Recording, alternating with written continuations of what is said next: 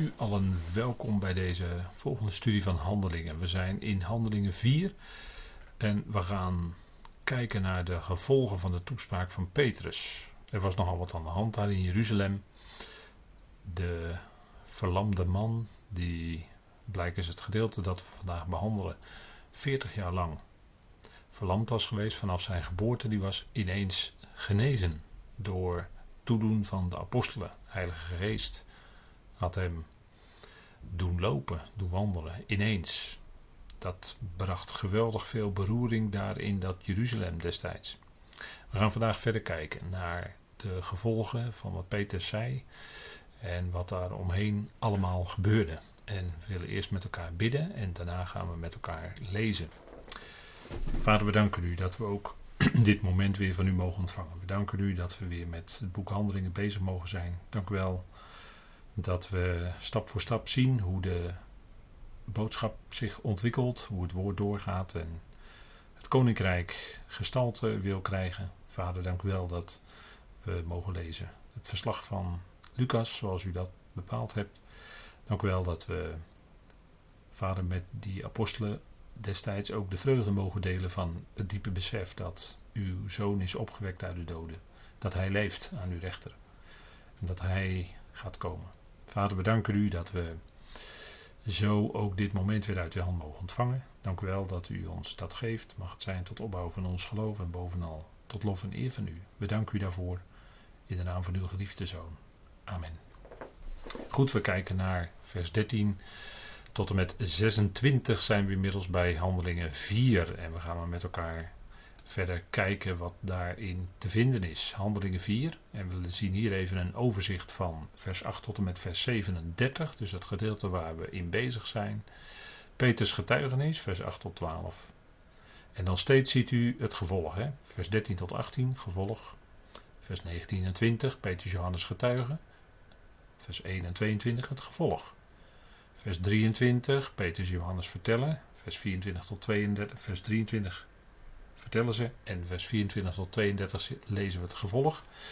Vers 33, apostelen getuigen. En vers 33 tot en met 37 opnieuw het gevolg daarvan. Dus er was nogal wat aan de hand daar.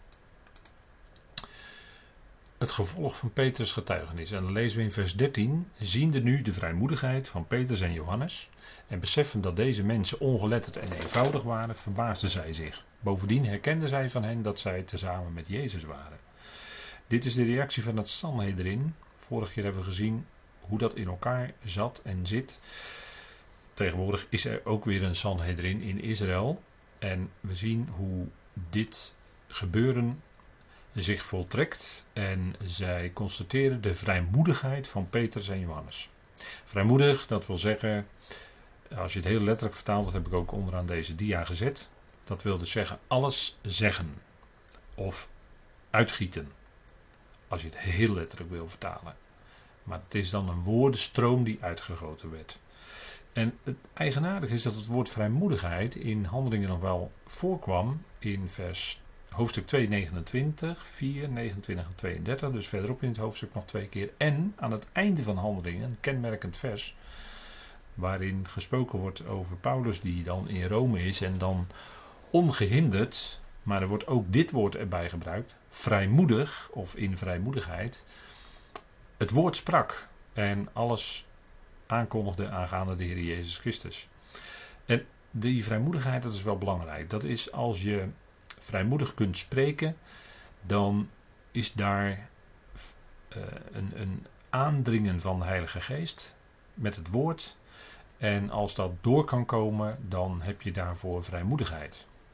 En het kan ook zijn dat als je een toespraak houdt, dat er belemmeringen zijn. Dat weet ik uit ervaring. En als je vrijmoedigheid hebt, dan is daar ontvankelijkheid voor het woord. En dat is altijd heel fijn als je dat merkt. Dan geeft God ook vrijmoedigheid om het nodige bekend te kunnen maken, het nodige te kunnen zeggen. En natuurlijk gaat het altijd door een mens heen. En daar zijn altijd natuurlijk de beperkingen. En, maar het gaat om dat het woord zelf doorkomt. Hè, die waarheid van dat woord. Paulus gaf dat ook aan Timotheus door. Dat hij zou opkomen voor de waarheid. En dat hij ook het woord van de waarheid op een juiste wijze zou verdelen, zou snijden. 2 Timotheus 2, vers 15. Dat is een heel belangrijk Bijbels principe, wat dus in de schrift zelf staat. En waarin we dus kijken naar wat is nu geschreven aan Israël. Dat is eigenlijk het overgrote deel van de schrift. Bijvoorbeeld ook het boek Openbaring is eigenlijk een Joods boek, zou je kunnen zeggen. En wat is nu bedoeld voor de gemeente die het lichaam van Christus is. En dan heb je natuurlijk ook nog de gedeeltes waarin gesproken wordt door de profeten, bijvoorbeeld tot de natieën, tot de heidenen. Maar dat is maar heel beperkt.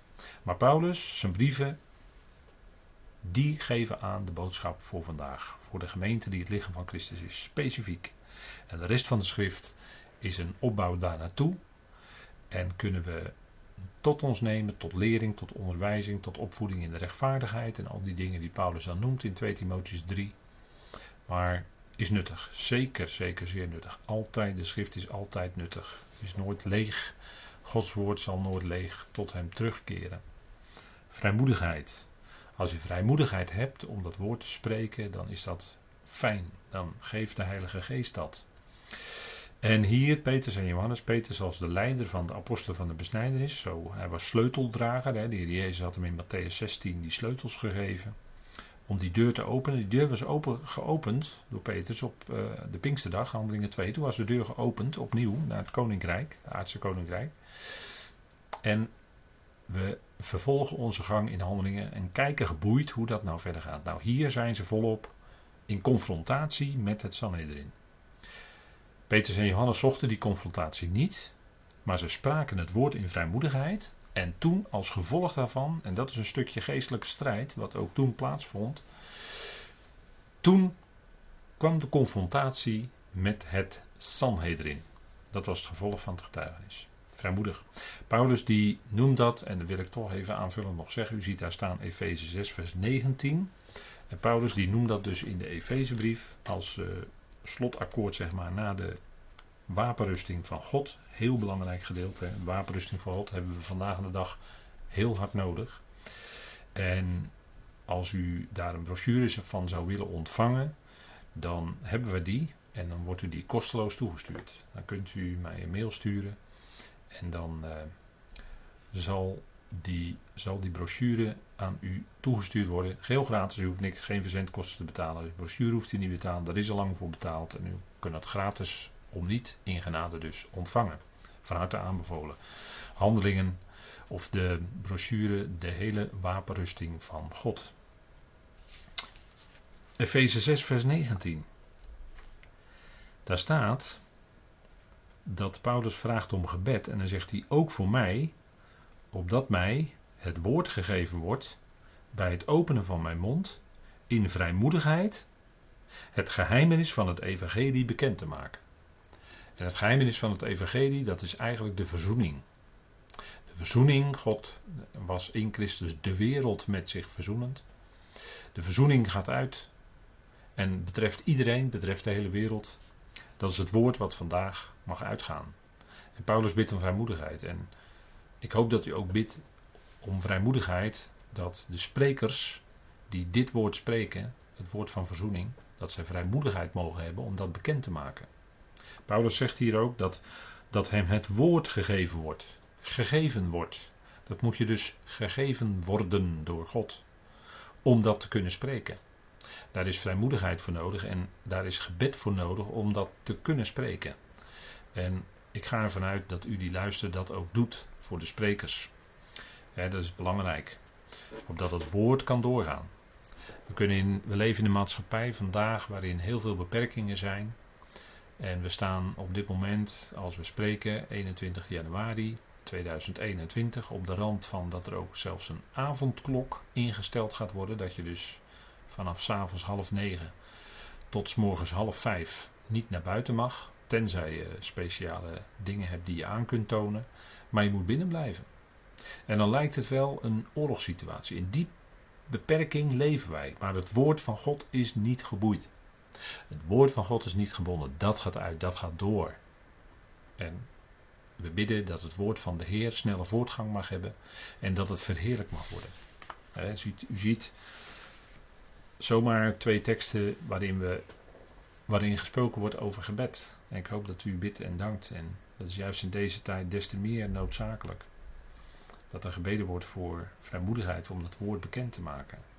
Dat gebeurde ook in die dagen van Petrus en Johannes. Dat was een ander woord, dat was het woord van het koninkrijk. Dat was niet het woord van verzoening. Maar was ook die boodschap die zij op dat moment moesten brengen. En daarvoor hadden ze vrijmoedigheid nodig. En die, uh, dat Sanhedrin, dat waren natuurlijk de geleerden, dat waren de geletterden, dat waren de intellectuelen van Israël. En die constateerden dat deze mensen, Petrus en Johannes en de andere apostelen, ongeletterd waren, bijvoorbeeld vissersmensen, en eenvoudig waren. Uh, je kan ook daarvoor lezen het woord leek. Ze waren niet gepokt en gemazeld, om het zo maar te zeggen, in de geschriften, in de tradities, in de leringen. Ze hadden geen opleiding gehad, Paulus, Saulus wel, hè, aan de voeten van Gamaliel, maar deze niet. Eenvoudig. Mensen van het volk. En ze verbazen zich dat ze zo konden spreken. Ja, dat doet Heilige Geest door hen heen. En zij herkenden van hen, staat er dan in dit vers 13, dat zij tezamen met Jezus waren. Ze, waren bij, hadden met Jezus opgetrokken. En ze hadden tot het einde toe waren ze met hem meegegaan. Op het allerlaatst gingen ze bij hem weg. Vluchtten ze van hem weg toen hij gevangen genomen werd. En dat was om die waarheid. De Jezus werd gevangen genomen om de waarheid. Hij sprak de waarheid. Hij was en is de waarheid in persoon. En daarom werd hij gevangen genomen. En dat dreigde ook bij Petrus en Johannes te gebeuren. Ze, ze werden onder druk gezet door het Sanhedrin. De, ja, dat is het volgende vers, maar dat gaan we verder bekijken. Vers 14.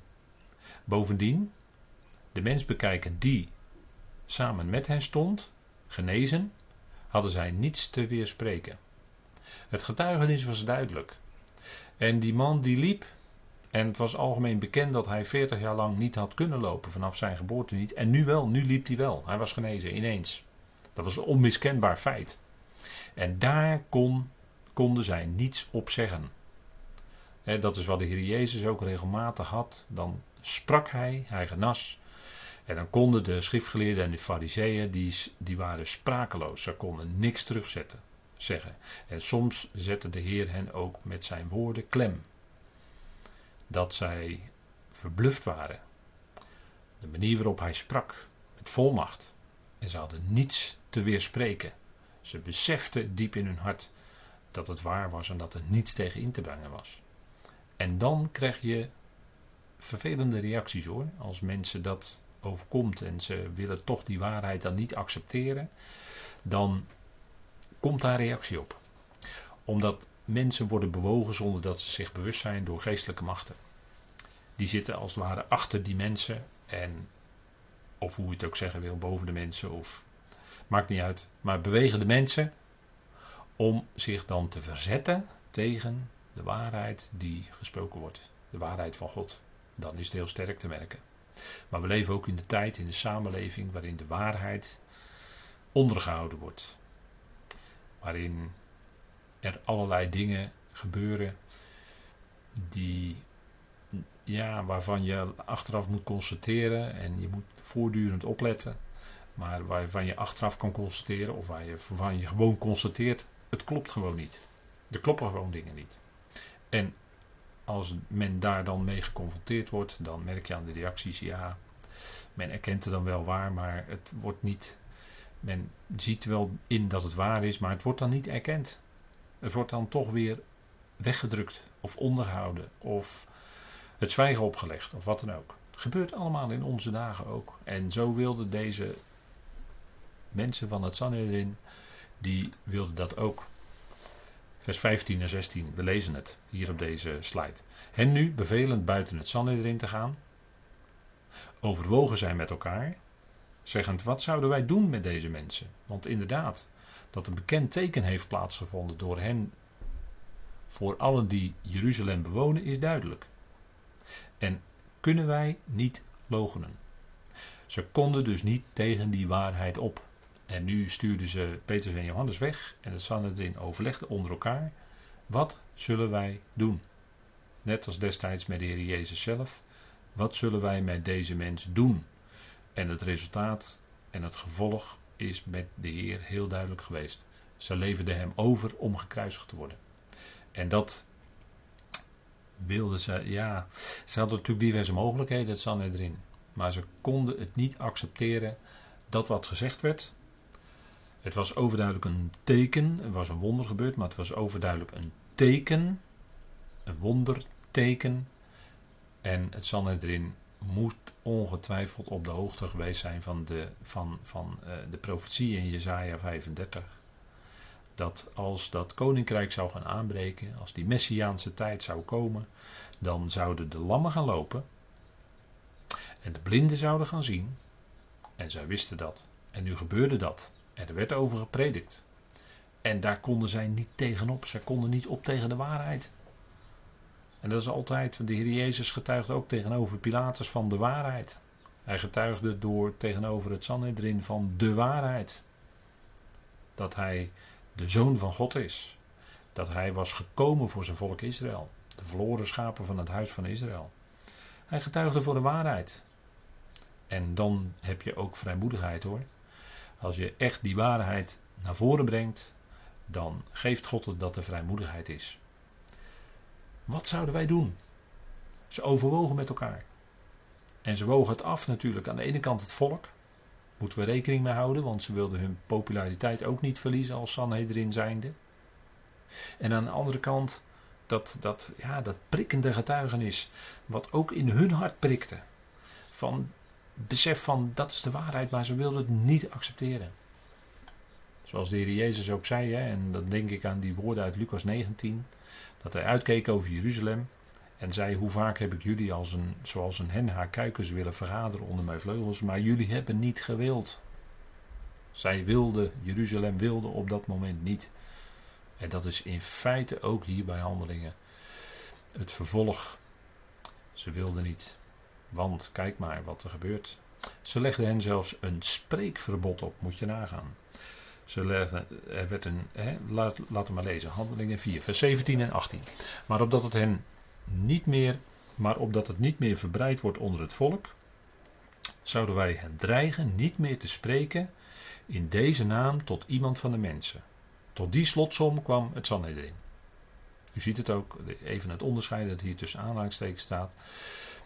En dan mogen ze weer komen. En herroepen droegen zij op het in het geheel niet te laten klinken, ook niet te onderwijzen, in de naam van Jezus. En eigenlijk staat er dan op, letterlijk, hè, u ziet dat door die woorden OPO, hè, op, op, wil zeggen op grond van die naam. Dus ook niet in die kracht van die naam. Ze kregen gewoon een spreekverbod. Ze werden enorm, ze wilden dat, dat, dat spreken wilden ze gewoon verbieden. Ze wilden dat spreken volledig het zwijgen opleggen. Dat het niet meer gesproken kon worden. Intimidatie. En dat is ook wat steeds gebeurt als dat woord van de waarheid klinkt. En dat is ook vanaf Paulus zo geweest. Steeds als dat woord van de waarheid, zoals Paulus dat brengt, naar voren komt, dan is daar de reactie van de religieuze overheden. En dat is in de afgelopen 2000 jaar ook steeds zo gegaan. En religieuze overheden hebben de overhand gehad en men heeft de waarheid in, in onrechtvaardigheid neergehouden. Enkele dagen geleden hadden we een studie Colossense, toen heb ik dat ook genoemd. De waarheid dat God de redder is van alle mensen, die is eeuwenlang neergehouden. Door wie? Door de religieuze overheden, door de grote staatskerken, kerk. Het mocht niet gesproken worden. En desgewenst voegde men dingen toe aan de schrift. Voegde men een woord toe aan wat in de schrift staat. Zodat het in de leer van de kerk opgenomen kon worden dat ongelovigen voor eeuwig, voor altijd, zonder einde in een ja, en dan zeg ik toch een mythische hel, zoals die door de kerk wordt voorgesteld, zou branden. En zo heeft men die geweldige waarheid dat God de redder is van alle mensen, vervangen door de leugen. De leugen dat een ongelovige voor altijd bewust gepijnigd zou worden in vlammen. En dat is niet wat de schrift zegt. Openbaring heeft een aantal keer een tekst waar dat misschien uit naar voren lijkt te komen, maar bij nader inzien is dat een beeldspraak. De rook van hun pijniging stijgt op. Er staat niet letterlijk in openbaring 14 of van openbaring 18, er staat niet letterlijk dat zij gepijnigd worden in de eonen van de eonen. En bovendien, dan is, zijn het nog tijdperken, als ik het zo citeer. Maar daar is van gemaakt, van de rook van hun pijniging, is van gemaakt dat zij gepijnigd worden daadwerkelijk. En dat is niet wat de schrift zegt. En zo heeft men de waarheid van de schrift vervangen door de leugen. En daarmee heeft men die waarheid in onrechtvaardigheid, in ongerechtigheid neergehouden. Het zwijgen willen opleggen. En dat gebeurt hier dus ook. En roepend droegen zij hen op het in het geheel niet te laten klinken, ook niet te onderwijzen op of in de naam van Jezus.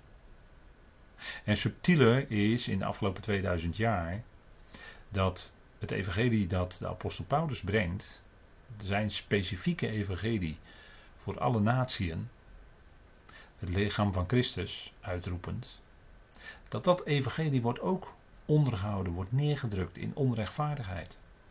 Tijdens Paulus' leven al was hij niet meer welkom in gemeentes waar hij zelf gearbeid had, waar hij zelf gesproken had. Was hij niet meer welkom, men wilde Paulus het zwijgen opleggen. En het punt is dat dat elke keer aan de hand is als dat evangelie naar voren wordt gebracht. Dan komt daar weerstand op. Dan wil men intimiderend bezig zijn, zodat er niet meer onderricht wordt in dat evangelie. En hier gaat het om iets anders. Hier gaat het om het evangelie van het koninkrijk. In de naam van Jezus sprekend. Maar opnieuw, en dat is altijd het patroon, religieuze overheden willen dat het zwijgen opleggen. Toen dat evangelie en afgelopen 2000 jaar het evangelie wat Paulus brengt. Zo is het gewoon. We kunnen terugkijkend in de kerkgeschiedenis dat gewoon constateren. Dat het zo is. En de heer Jezus had ook voorzegd hè, in Matthäus 10, vers 17 en 18. En die tekst die lees ik dan voor u even.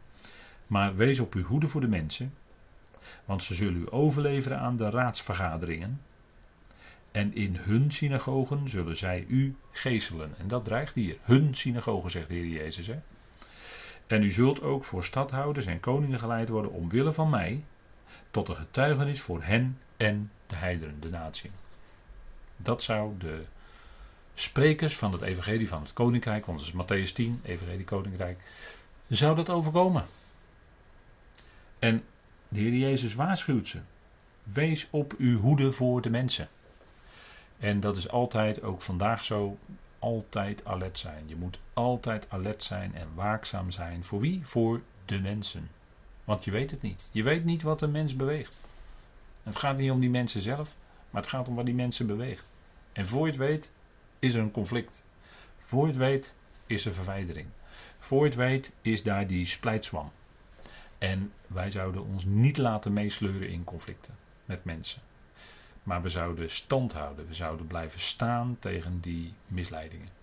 Nou goed, uh, ik denk toch even een kernpunt hier. Hè? Klinkt hier, hè? een kernpunt. Dit is een geestelijk principe. Daar waar dat woord van God gepredikt wordt, dan komt er altijd weerstand. Komt er altijd is daar strijd. En dat is wat we constateren ook hier. Hè? En nu komt de reactie. En die is moedig en die is waar. Petrus en Johannes zijn zo enorm waar hier. Wie bepaalt? De mens of God, heb ik hierboven gezet. Hè? We gaan lezen, vers 19 en 20. Petrus en Johannes nu antwoorden en zeiden tegen hem: Indien het rechtvaardig is voor het aangezicht van God. Eerder naar jullie te luisteren dan naar God, oordeelt zelf. Want wij kunnen niets dan wat wij waargenomen en gehoord hebben spreken.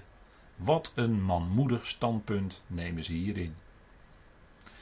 En natuurlijk kunnen ze dat omdat ze door Heilige Geest, door God bekrachtigd worden. Anders hadden ze dit zo niet kunnen, dit statement niet zo kunnen maken. Maar het is steeds zo met Gods woord, hè? En dan kun je je steeds afvragen als het erop aankomt, hè?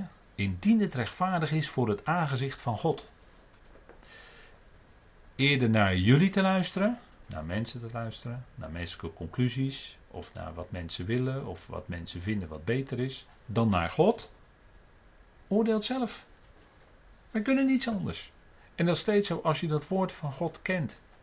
En je weet wat er op een gegeven moment wat er staat. Dan kun je niet anders dan spreken wat daar staat geschreven. En dan gaat het niet om jezelf. En het ging bij Petrus en Johannes ook niet om mijzelf hier. Absoluut niet. Zij dienden hier niet hun eigen belang, maar zij dienden het belang van hun Heer. En dat was bij Paulus natuurlijk ook zo. Hij was niet bezig met zijn eigen belang, maar hij diende het belang van Christus Jezus. Daar gaat het om. En het is beter naar God te luisteren dan naar mensen. Als het erop aankomt. Als het erop aankomt, die boodschap. Als het erop aankomt, dat evangelie. En hier het evangelie van het koninkrijk nogmaals. En nu in deze tijd het evangelie van de genade van God. Dat is iets anders.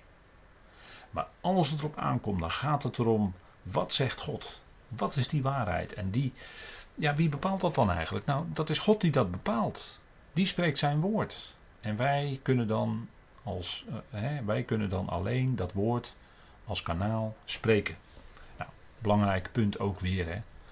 Toch wel ernstig stukje dit ook weer in handeling. Hoor. Je ziet met het woord van God, ja, dan komen die geestelijke dingen en dan komt het er weer op aan. Hè.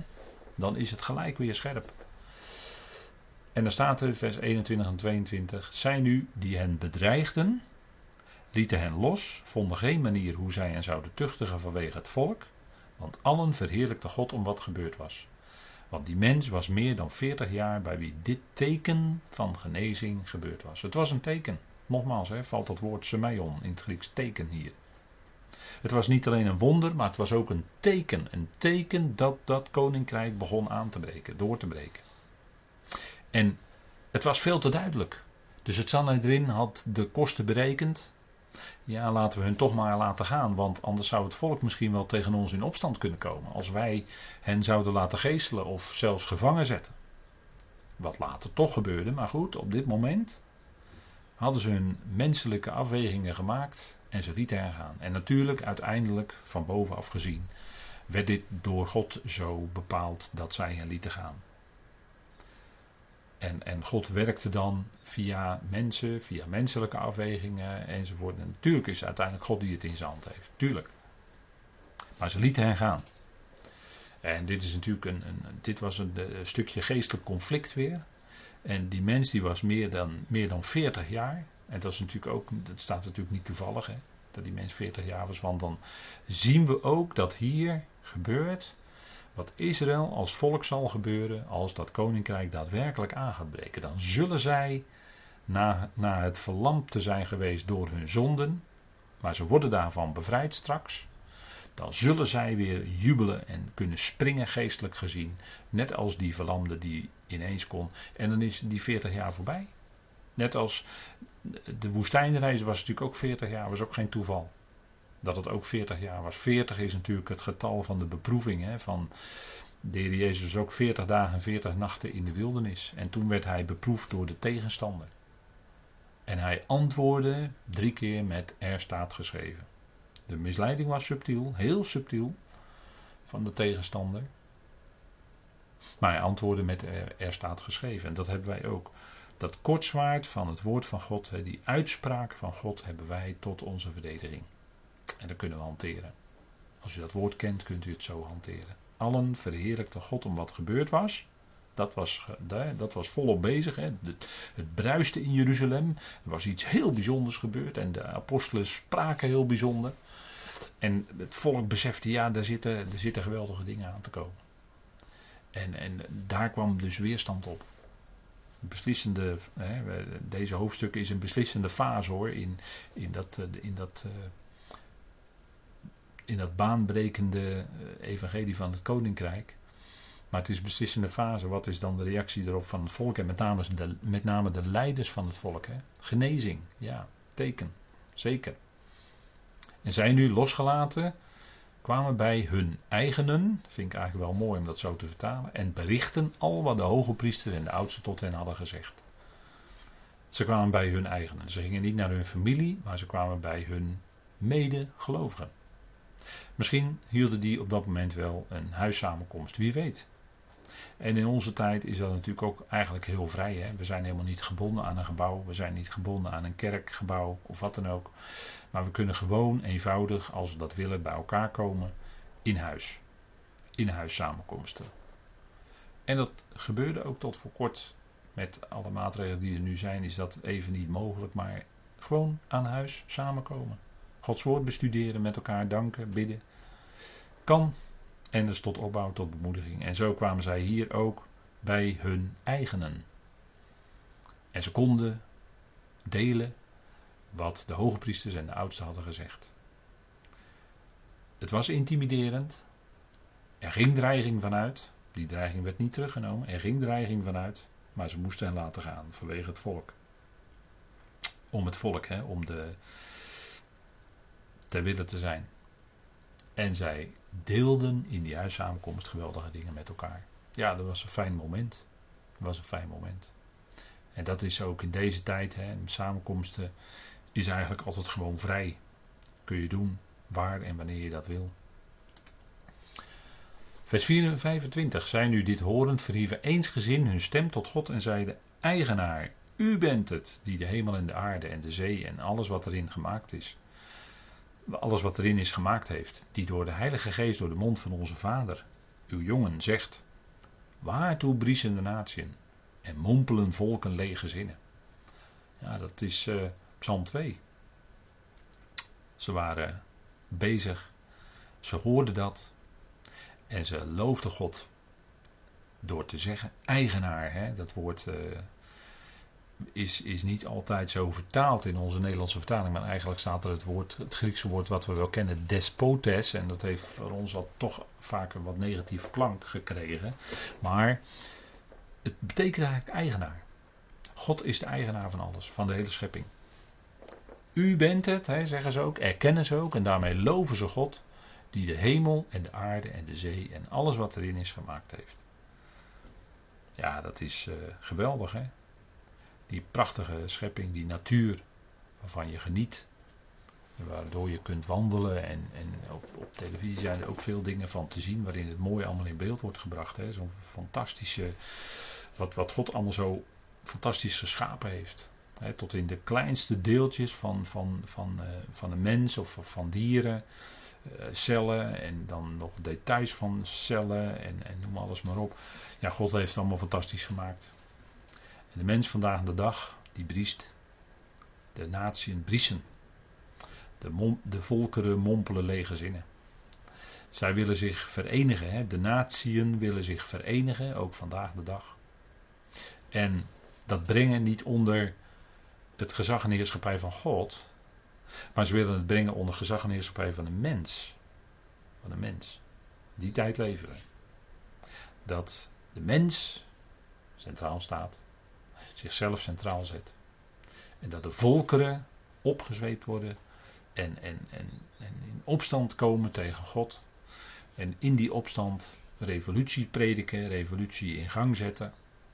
En, en dat is in, in onze dagen is dat niet anders afgelopen honderden jaren is dat ook steeds bezig geweest. Briesen de natie, de volkeren mompelen lege zinnen.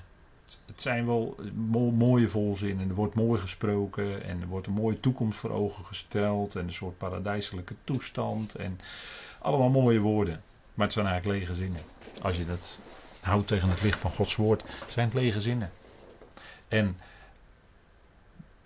ze citeren hier en erkennen hier ook dat door de Heilige Geest, door de mond van onze vader, van onze vader David, en dat is eh, heel mooi, heel teder gezegd, uw jongen, zegt in Psalm 2. Dus ze citeren hier ook Psalm 2. Hè? Daar leidde God hen in om dat opnieuw hier naar voren te brengen, te erkennen. Hij, die grote God, de Vader van onze Heer Jezus Christus, die heeft de hemel en de aarde en de zee en alles wat daarin is gemaakt. En dat is zo fantastisch. Dat zit zo fantastisch in elkaar. Ja, dat is geweldig. En hij is de eigenaar van alles. Al die mensen, ze zijn zich niet bewust te denken in hun waan dat ze, eh, dat ze eigendom zijn van zichzelf of van anderen. Of dat een, een kleine groep mensen die denkt misschien wel vandaag de dag dat eh, zij alles eh, in bezit kunnen nemen. En dat zij alles bezitten omdat ze over enorme rijkdommen en wilden beschikken. Dwazen zijn het. Als je het houdt in het licht van deze uitspraken. Alles is van God. Hij is de eigenaar. En niemand anders.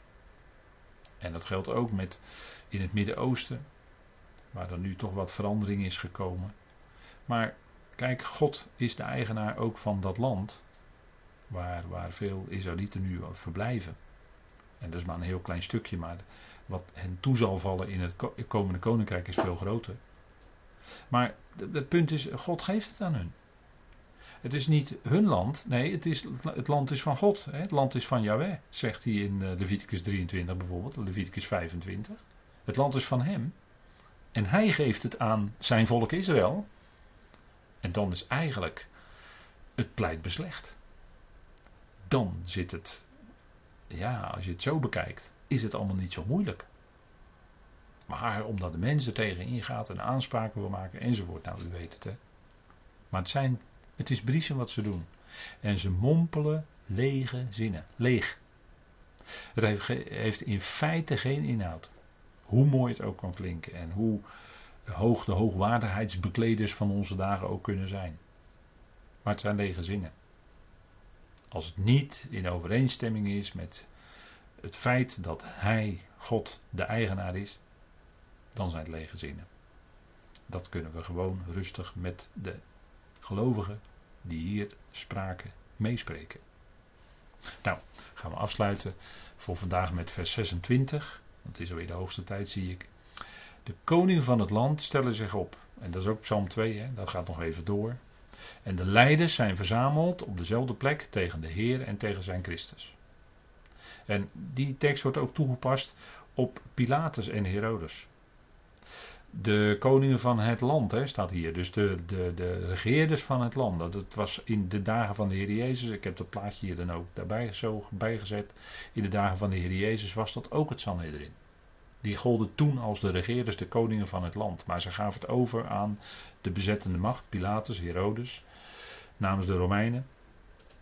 En de leiders zijn verzameld op dezelfde plek tegen de Heer en tegen zijn Christus. En dat was heel feitelijk aan de hand bij de Heer Jezus zelf. En ze lieten hem overgeven in de handen van de Romeinen en omgekruisigd te worden. Zo is het gegaan. Maar God heeft hem opgewekt. En dan, daarom is opnieuw met dat getuigenis, in de naam van Jezus, is de Heer als het ware in die naam ook weer aanwezig, geestelijk gezien aanwezig. En zijn ze opnieuw vergaderd, verzameld tegen de Heer en tegen zijn gezalfde. Ook als het gaat om de confrontatie Sanhedrin tegen Petrus en Johannes. En daarom passen ze ook door de Heilige Geest geleid deze woorden uit Psalm 2 hier toe. En het punt is, Hij is de Heer, God is de Heer.